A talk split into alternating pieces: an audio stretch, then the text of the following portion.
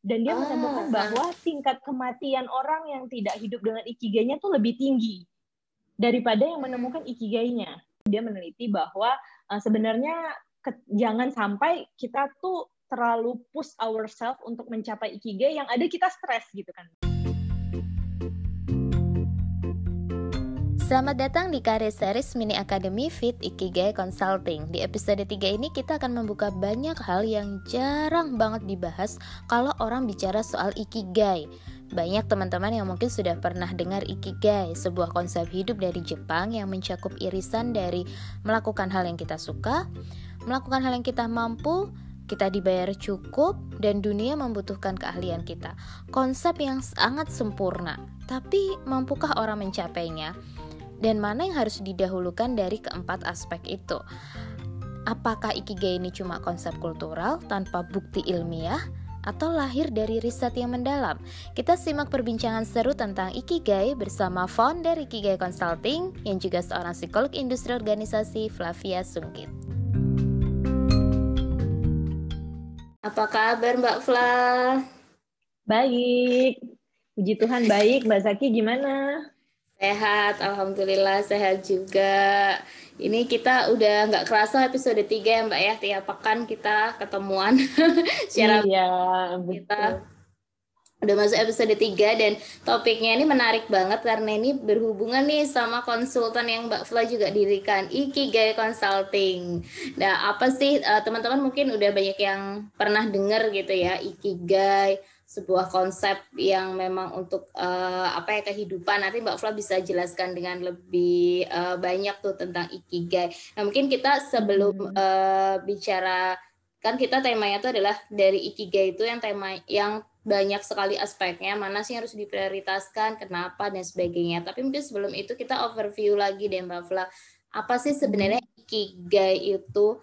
Apakah itu tuh uh, konsep yang memang ada risetnya gitu ya, evidence base-nya tuh ada atau itu konsep kultural aja dari sebuah masyarakat atau seperti apa? Oke, jadi sebenarnya kalau misalnya sejarahnya cukup panjang gitu sih ya Mbak Zaki ya, mm -hmm. tapi saya coba jelaskan deh. Nah kalau ikigai sendiri itu tuh kalau dari arti katanya iki itu life, Kemudian gai itu artinya value. Jadi memang artinya hmm. adalah uh, kayak value hidup gitu ya. Nah, uh, dari sejarahnya sendiri ikigai itu sebenarnya merupakan konsep well-being ataupun happiness gitu ya. Di mana biasanya hmm. beberapa negara lain tuh juga punya konsep sejenis tapi berbeda makna. Contohnya Swedia itu kan ada lagom gitu ya dengan hmm. uh, artinya not too little, not too much. Berarti kita tuh mencapai happiness itu enough gitu ya. Jadi tidak ada yang berlebihan, tidak berkekurangan, tidak berlebihan. Terus Yunani hmm. dengan stoiknya atau Denmark dengan hoganya gitu. Nah, ikigai hmm. sendiri itu dari Jepang gitu. Hmm. Nah, kalau misalnya dari pertanyaannya Mbak Zaki, apakah ada evidence base-nya atau sebatas konsep culture aja gitu. Nah, Ikigai sendiri itu sebenarnya Mbak merupakan perpaduan antara culture sama research gitu.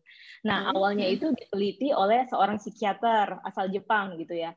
Uh, tahun sebaca saya sekitar 1960-an gitu ya. Jadi dia tuh melakukan kualitatif research gitu di mana dia melihat orang Jepang itu kan uh, di timur ya hidup berkelompok dan kebahagiaan itu tuh ibaratnya ada resonansi antara satu orang dengan orang yang lain gitu. Jadi penting bagi orang Jepang itu ibaratnya kita bahagia tuh karena uh, support system kita, karena bagaimana kita berdampak antara satu dengan yang lain. Jadi meaning in life-nya itu uh, didapatkan dari situ. Nah, jadi sebenarnya perpaduan gitu sih Mbak Zaki antara konsep culture dan research mm-hmm. gitu. Nah, kemudian berkembang kan. Akhirnya ada buku kan, buku yang jadi bestseller itu yang uh, ditulis sama Garcia sama Mirales tuh tahun 2016.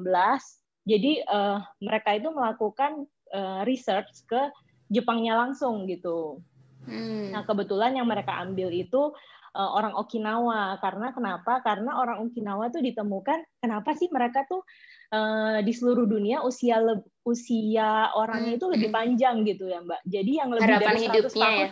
Iya, harapan hidupnya dari, panjang. Betul, harapan hidupnya panjang. Jadi yang lebih, usianya lebih dari 100 tahun tuh rata-rata terbanyak di Okinawa itu gitu. Nah, kemudian mereka ibaratnya grounded ya, grounded mm -hmm. research, kemudian mereka menemukan bahwa uh, orang di Okinawa itu mereka hidup dengan ikigai atau purpose in life-nya dan mereka akhirnya menemukan empat aspek itu yang passion, oh, kemudian okay. mission, mm. profession dan vocation itu gitu.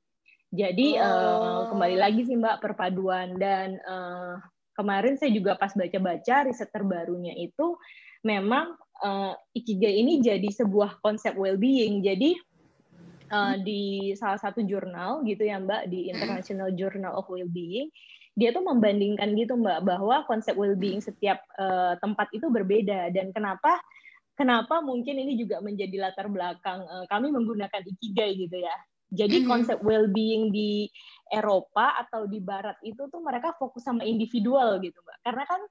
Mereka kan fokus sama quality of life sendiri gitu ya. Jadi bagaimana mm-hmm. happy itu ya dari diri sendiri gitu. Sedangkan kalau ikigai Jepang itu kan memang konsepnya lebih ketimuran ya. Jadi memang support system itu penting, happiness itu uh, berasal dari bagaimana kita berdampak dengan orang lain, kita enjoy dengan apa yang dilakukan, kemudian uh, bagaimana kita tuh bisa punya makna dari hidup kita dan kita punya tadi resonansi dengan orang lain gitu Mbak. Jadi konsep ikigai itu memang diawali dengan culture, kemudian di riset lagi tuh makin ke sini makin ada ketemu evidence base-nya gitu. Oh, Oke, okay. jadi uh, itu nggak nggak pertamanya itu Ikigai sendiri itu nggak ada di konsepnya orang Jepang secara khusus ya Mbak. Maksudnya mereka tuh punya uh, istilah itu gitu dari yang tadi uh, dulu. Kan ini tadi kan nggak salah kan empat aspek itu ditemukan ketika di riset itu tadi kan ya di risetnya Okinawa kemudian di, dibuat formula gitulah ya diciptakan uh, sebuah bukan diciptakan ditemukan gitu formulanya itu. Itu nah sebutan ikigai sendiri ini berarti uh, dibentuk oleh penelitinya ini. Atau itu istilah yang udah ada lama di Jepang? Ya, istilahnya itu muncul yang tadi Mbak yang tahun uh, 1960-an itu yang dari seorang psikiater oh, okay, yang okay. menemukan konsep ikigai dari kata iki life dan gai itu value. Nah, oh. kemudian yang empat oh. aspek itu baru terusannya. Jadi kayak tahun 2016 oh, okay. ya baru karena ada grounded research ditemukan tuh kayak aspek-aspeknya apa aja sih gitu. Jadi kayak sejenis hmm. riset yang berkelanjutan ya Mbak sebenarnya. Hmm, hmm, hmm. Iya, jadi kalau tadi mungkin ketemunya uh, resonansi antar orang, adanya support system gitu ya, terus mereka merasa punya dampak itu sebagai sebuah makna dalam hidup mereka. Itu yang riset awalnya gitu ya Mbak ya, uh, levelnya. Tapi kemudian di riset berikutnya ketemulah empat aspek. Nah, empat aspek ini Mbak Fla, mungkin bisa di overview juga nih diceritakan lagi apa masing-masing aspeknya. Oke, yang pertama yang uh, sangat populer itu adalah passion, ya kan? Passion hmm. itu sebenarnya adalah uh, persilangan antara what you love and what you are good at gitu. Jadi hmm. kita suka apa dan kita punya skill di situ. Nah itu jadi uh, passion. Kalau kita cuma suka doang tapi kita nggak punya skill, it's not passion gitu kan. Itu hmm. cuma jadi minat kan atau interest gitu. Hmm. Uh, nah yang kedua adalah uh, profession kan. Profession itu adalah uh, persimpangan antara skillnya kita, kemudian kita bisa dapat pay atau kita bisa hidup dari situ ya ibaratnya. Kita bisa menghasilkan -hmm. dari situ. Kemudian yang ketiga adalah uh, vocation. Vocation itu uh, lebih ke dunia itu butuhnya apa gitu. Bagaimana kita tadi ya resonansi atau bisa berdampak dengan orang lain dan mm -hmm. itu selaras juga dengan yang tadi kita bisa uh, mendapatkan penghasilan dari situ gitu. Mm -hmm. Makanya kan sekarang banyak juga yang pekerjaan uh, bisa kasih impact nggak sih gitu ke orang lain gitu ya Mbak Zaki. Mm -hmm. Dan yang terakhir tuh adalah mission. Mission tuh dari apa yang kita sukai itu bersilangan nggak dengan memang yang orang lain butuhkan. Nah, -hmm. keempat hal tadi itu merupakan konsep dari atau aspek-aspek untuk mencapai ikigainya gitu, Mbak. Oh wow, ini memang kalau ditarik lagi ini tuh lengkap banget ya ikigai itu bicara Betul, sangat ideal. Iya, kayak sangat sempurna nih itu. Kalau bicara individu tadi disebut ya di negara eh, negara-negara barat mungkin fokus ke individu. Ini individunya ada, iya kan ya Mbak ya kita bicara passion, bicara juga tentang uh, apa namanya kita bagus di situ, kita dibayar juga, artinya bicara diri kita sendiri juga. Tapi kita juga bicara mission tadi, bicara vocation, bicara dampak gitu. Nah, yes. Uh, kapan nih manusia tuh direkomendasikan memulai pencarian ikigai keempatnya ini, Mbak Fla? Ini bisa alami gitu nggak sih? Atau uh, atau gimana gitu ya? Atau uh, gitu. gitu. Karena sempurna banget ini. Kapan ini? Betul betul. Nah sebenarnya kalau uh, pertanyaannya kapan adalah sedini mungkin gitu ya mbak. Mungkin kalau kita ngelihat dari aspek kalau kita tarik ke ilmu psikologi sedikit ya mbak Zaki ya. Hmm. Uh, sebenarnya ikigai itu dipupuk dari positive experience gitu. Uh, makanya kan kalau misalnya kita lihat contoh ada anak kecil yang misalnya suka main piano gitu kan. Hmm. Nah, itu kan sebenarnya udah memupuk ikigainya gitu kan. Udah kelihatan oh dia sukanya apa. Kemudian uh, apakah hal tersebut uh, dapat nggak positif experience-nya misalnya apakah didukung dari orang tua, apakah dia menyenangi itu. Kemudian uh, apakah dapat positif impression dari lingkungan. Jadi sebenarnya kapan sedini mungkin gitu ya. Jadi uh, tidak ada batasan waktu, tapi tidak ada kata terlambat juga sebenarnya. Jadi semakin kita cepat mengenali, semakin kita menemukan ikigainya kita gitu mbak. Jadi kan banyak anak kecil yang uh, udah tahu kan area minatnya apa, area talentnya apa kan, dia suka di situ dan memang diasah, dipupuk, support sistemnya juga sangat mendukung dan dia bisa jadi uh, mungkin usia masih remaja udah menemukan ikigainya gitu dan ada orang-orang yang juga mungkin udah usia uh, 30-an 40-an belum ketemu tuh ikigainya gitu Mbak. Jadi uh, memang itu sebuah proses hidup ya kalau menurut saya sebuah journey yang nggak hanya dari kita, lingkungan pun sangat menentukan gitu. Jadi kalau ditanya kapan sih direkomendasikan, mungkin saya akan menjawab ya sedini mungkin gitu. Hmm, hmm. Jadi kita juga ibaratnya kita sebagai personal kita juga membantu orang lain gitu kan untuk menemukan ikigainya, nggak hanya diri kita sih gitu dengan jadi support system. Iya, jadi support system kembali ke tadi ya konsep awal banget tahun 60-an itu ya yang ditemukan uh, oleh peneliti tadi ya Mbak uh, Fla. Nah, itu tuh bisa secara alami atau uh, gimana ya kita menata itu kan tadi sedini mungkin nih gitu. Terus uh, tahap-tahapannya tuh apa sih kalau yang uh, Mbak Fla mungkin bisa share nih tahapan okay. untuk mencari kigai? Uh, tahapannya adalah yang pertama memang kita harus mengenali diri kan ibaratnya kita harus tahu kita tuh sukanya apa dan kemudian uh, kita punya skill di situ gitu. Kalau berbicara tentang usia sedini mungkin yang tadi saya bilang uh, mm. itu kan biasanya orang tua akan mencoba-coba kan, oh anaknya disuruh apa dia suka nggak di situ misalnya kan, disuruh main musik suka nggak, disuruh olahraga suka nggak. Nah itu kan sebenarnya uh, pengen mencari dulu tuh area minatnya tuh seperti apa gitu. Nah kita juga mungkin yang sudah di usia uh, yang bisa lebih mandiri gitu ya, bisa menentukan apa yang kita suka dan kita lebih bisa mengenali diri. Itu pertama uh, itu sih Mbak Zaki kita harus paham dulu minat area kita. Sebenarnya kita sukanya apa, kemudian kita invest skill di situ. Kita belajar hmm. apa yang kita suka. Kita juga harus yang tadi supaya menjadi passion itu kita harus punya skill di situ. Nah, kemudian kita akan coba menelusuri kan apakah passion tadi itu akan cukup menghasilkan dan bagaimana itu bisa berdampak ke orang lain gitu. Jadi sebenarnya memang dimulai dari diri kita sendiri dulu gitu. Kemudian hmm. memang yang kedua adalah kita juga bagaimana membangun support system yang positif sih Mbak Zaki. Ibaratnya kan kalau kita punya passion gitu ya, kita udah suka sesuatu, kita hmm. punya skill, tapi lingkungan kita tidak mendukung gitu kan.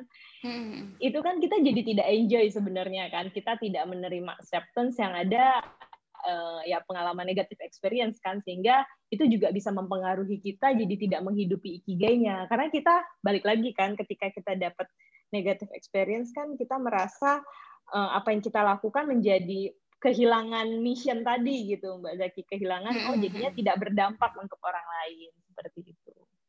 Oke, mungkin nggak? Kalau ini di uh, yang tadi disampaikan Mbak Fla itu kan jadi yang berarti kalau pertanyaannya yang harus didahulukan jatuhnya kan jadi passion dulu nih. Yes. karena mengenali diri.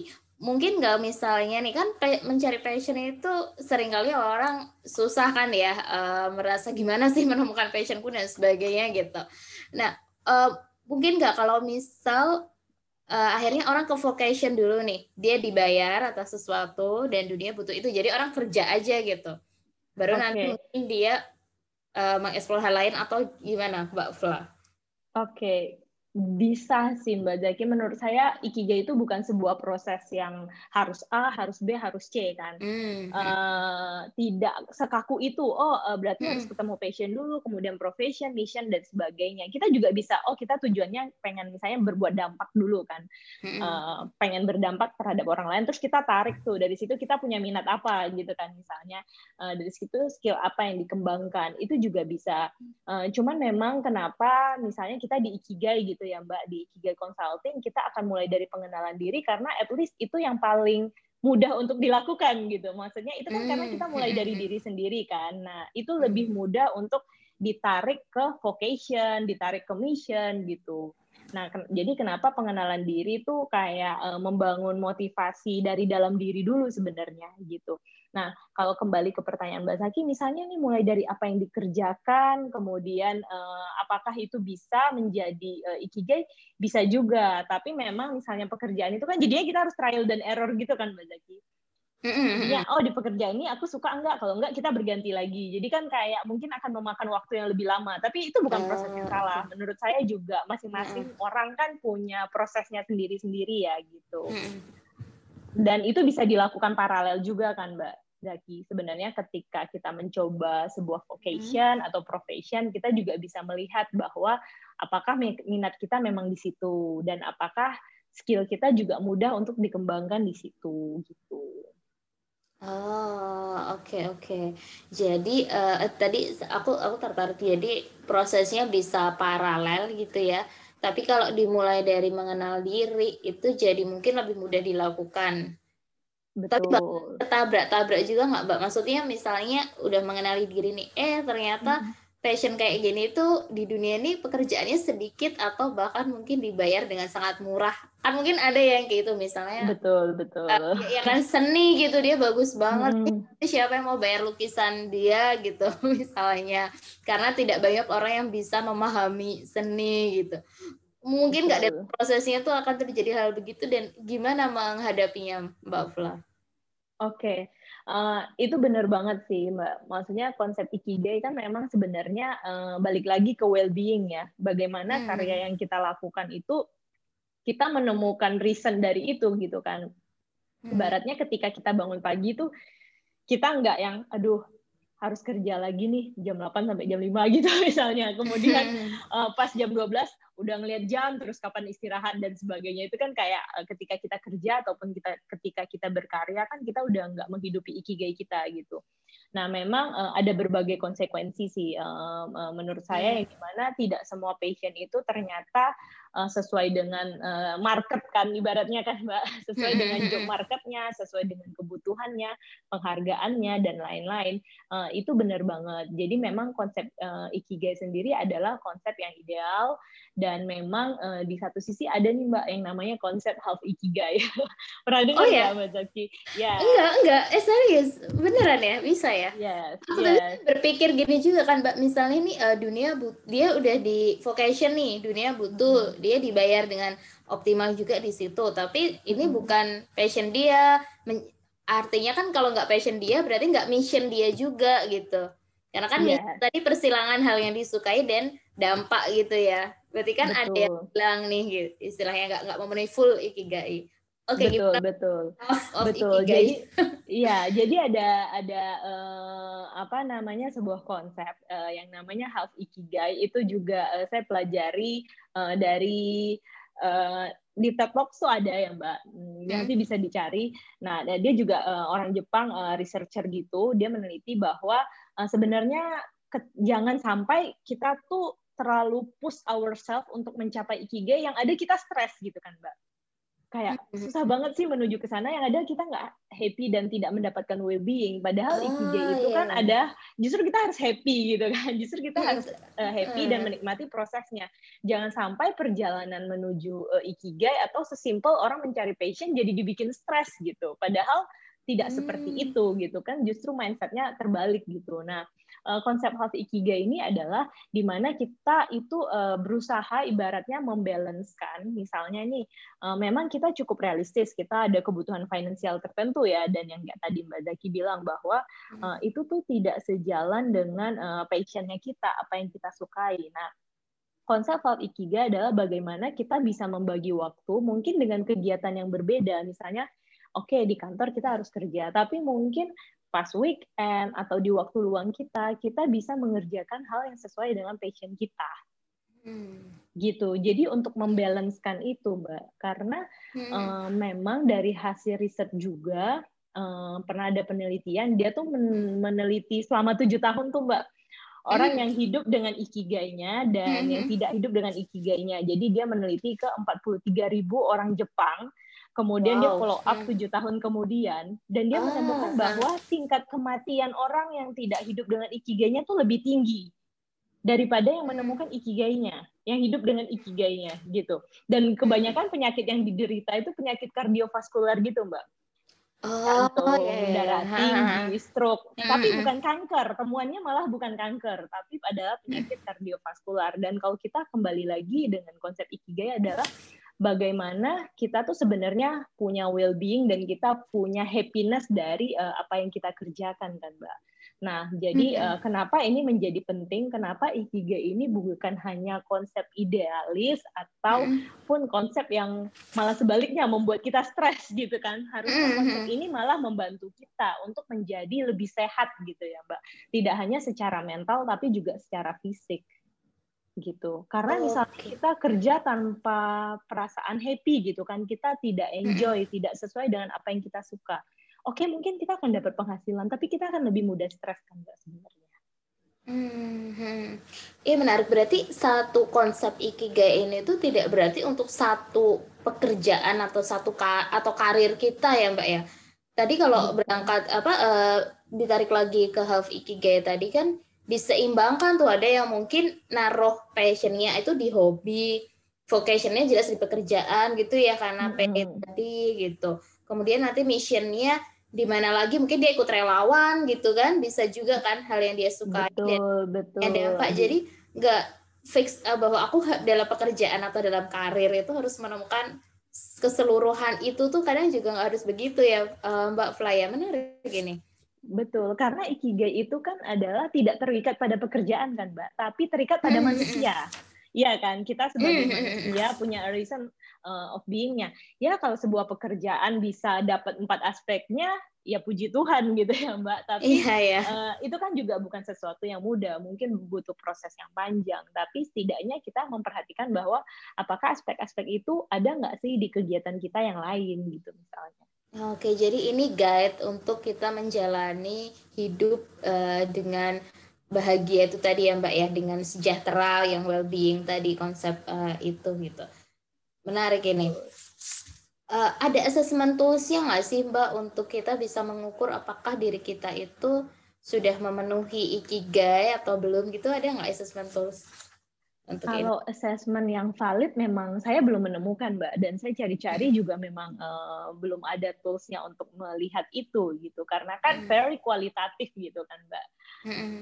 Jadi uh, memang itu kita lebih kayak meng, apa ya kayak mempersepsikan diri sih jadi lebih ke self evaluation aja dari empat aspek itu apakah Eh, kita merasa kita sudah fulfill di situ dengan uh, berbagai kegiatan yang kita lakukan. Jadi kalau untuk assessment tools-nya memang belum ada sih Mbak, belum menemukan lebih tepatnya saya. Oke, berarti kalau sarannya Mbak Flan nih untuk teman-teman yang mungkin ingin mengakses dirinya sendiri, itu berarti cukup hmm. dengan yang tadi Mbak Flan sebutkan, uh, apakah passionnya terpenuhi, vocationnya, missionnya gitu, atau uh, ada saran hmm. lainnya Mbak? Hmm. Iya, betul. Jadi memang uh, tips praktisnya itu adalah kita harus mengenali diri dulu kan, minat kita hmm. apa, kemudian kekuatan kita apa gitu. Dan uh, di sini kan juga dia positif psikologi ya, Mbak. Jadi memang hmm. kita fokus sama kekuatan kita, bukan kelemahan kita gitu. Kalau kelemahan kan jadi negatif oh, malah jadinya stres gitu. Jadi memang uh, bagaimana kita fokus uh, sama kekuatan kita, minat kita apa, kemudian kita bisa upgrade skill dari mana, kita bisa selaraskan dengan skill, kemudian ini nih kalau ini idealnya ya ini idealnya kalau align semua selaras dengan skill terus bisa jadi profesi gitu kan. Nah kemudian itu bisa motivasinya bisa berdampak untuk orang lain. Nah itu uh, idealnya idealnya tips praktisnya seperti itu. Uh, tapi memang kalau kembali lagi kalau memang sulit nggak apa-apa sih. Menurut saya ini adalah sebuah proses perjalanan hidup kan. Intinya kita kan pengen menuju uh, kebahagiaan. Jadi apa yang kita lakukan sebagai manusia bukan hanya pekerjaan kita tapi itu bisa uh, memenuhi empat aspek itu. Jadi secara um, human itu as a person kita juga lebih happy, kita less stress, kemudian quality of life kita juga oke okay, dan bisa seperti orang Jepang kan Mbak hidup harapan hidupnya lebih panjang gitu. Hmm, Oke, okay. Mbak tadi aku uh, jadi tertarik ini kita bahasanya nggak apa-apa ya lebih jauh lagi uh, bahwa ini kan konsep kebahagiaan dan tadi berbeda antar tempat gitu ya antar uh, negara tadi yang seperti Mbak Fla sebutkan gitu. Uh, mungkin nggak sih ini tuh berkaitan dengan kultur setempat? Maksudnya misalnya ada kultur tertentu yang uh, dia nggak cocok nih dengan ikigai, mungkin nggak gitu? Uh, bisa jadi ya Mbak, karena memang ikigai ini kan uh, memang konsep yang benar-benar uh, cocok dengan budaya Timur ya. Kalau hmm. lihat dari budaya Barat sendiri, mereka itu kan melihat kebahagiaan kan dari quality of life-nya secara personal gitu. Apakah hmm. berdampak uh, bagi orang lain itu menjadi fokus mereka kan uh, hasil risetnya juga akan berbeda gitu. Sementara kalau hmm. di Ikigai memang hasil risetnya lebih ke situ sih yang tadi soal uh, resonansi gitu. Jadi apakah bisa tidak cocok dengan budaya tertentu? Bisa jadi ya, Mbak bisa hmm. jadi karena balik lagi kan mungkin standar atau um, ibaratnya pola asuh kan pola asuh dari kecil culture itu memandang kebahagiaan dan happiness itu berbeda gitu. Oke, okay. wow ini uh, menarik sekali. Mungkin nanti kalau bahasan risetnya kita bisa bahas lebih lanjut lagi ya Mbak ya konsep-konsep yeah. well-being di banyak Eh, kultur gitu ya di banyak situasi Betul. gitu. Aku ingat banget juga nih di kampus psikologi UGM waktu itu kan ada indigenous psychology ya. Okay, di mana iya, iya. kita uh, ada riset gitu tentang happinessnya orang Indonesia tuh apa sih gitu. Sebenarnya konsep happy-nya orang yang cocok atau yang dianut oleh masyarakat Indonesia tuh seperti apa gitu. Itu menarik. Tapi ikigai ini uh, kalau di apa ya dijadikan guide untuk uh, orang-orang kita gitu di Indonesia ini juga karena kulturnya mirip gitu ya betul gitu. betul karena sosial gitu itu kayak betul. Uh, karena masih budaya banget. timur ya mbak iya gitu.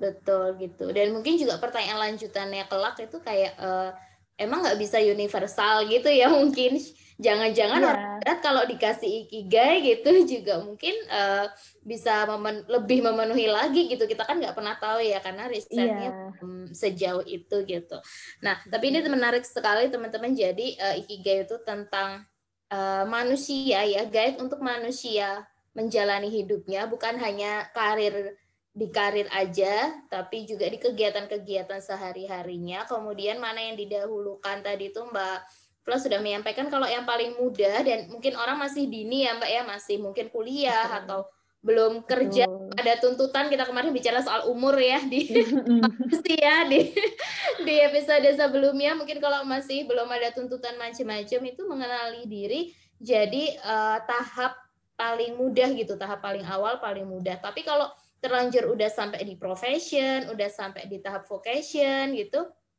uh, ya nggak apa-apa gitu ya sambil jalan karena bisa paralel juga. Dan poinnya tadi yang sangat menarik, jangan sampai perjalanan perjalanan mencari ikigai atau memenuhi ikigai kita justru bikin kita nggak happy. Jadi nikmati aja prosesnya gitu ya Mbak Fla ya.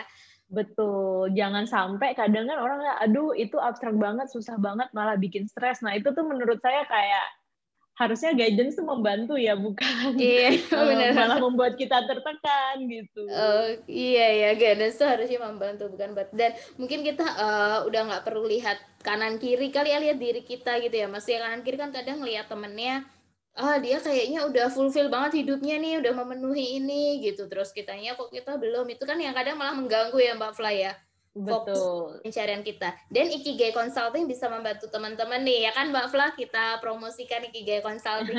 Bisa membantu teman-teman untuk menemukan Ikigai uh, teman-teman semuanya. Terima kasih sekali Mbak Fla, bahasan kita menarik uh, sekali pada episode ini dan kita ketemu lagi di episode keempat di Karir Series Mini Academy Fit Ikigai Consulting. Dadah semua. Terima kasih.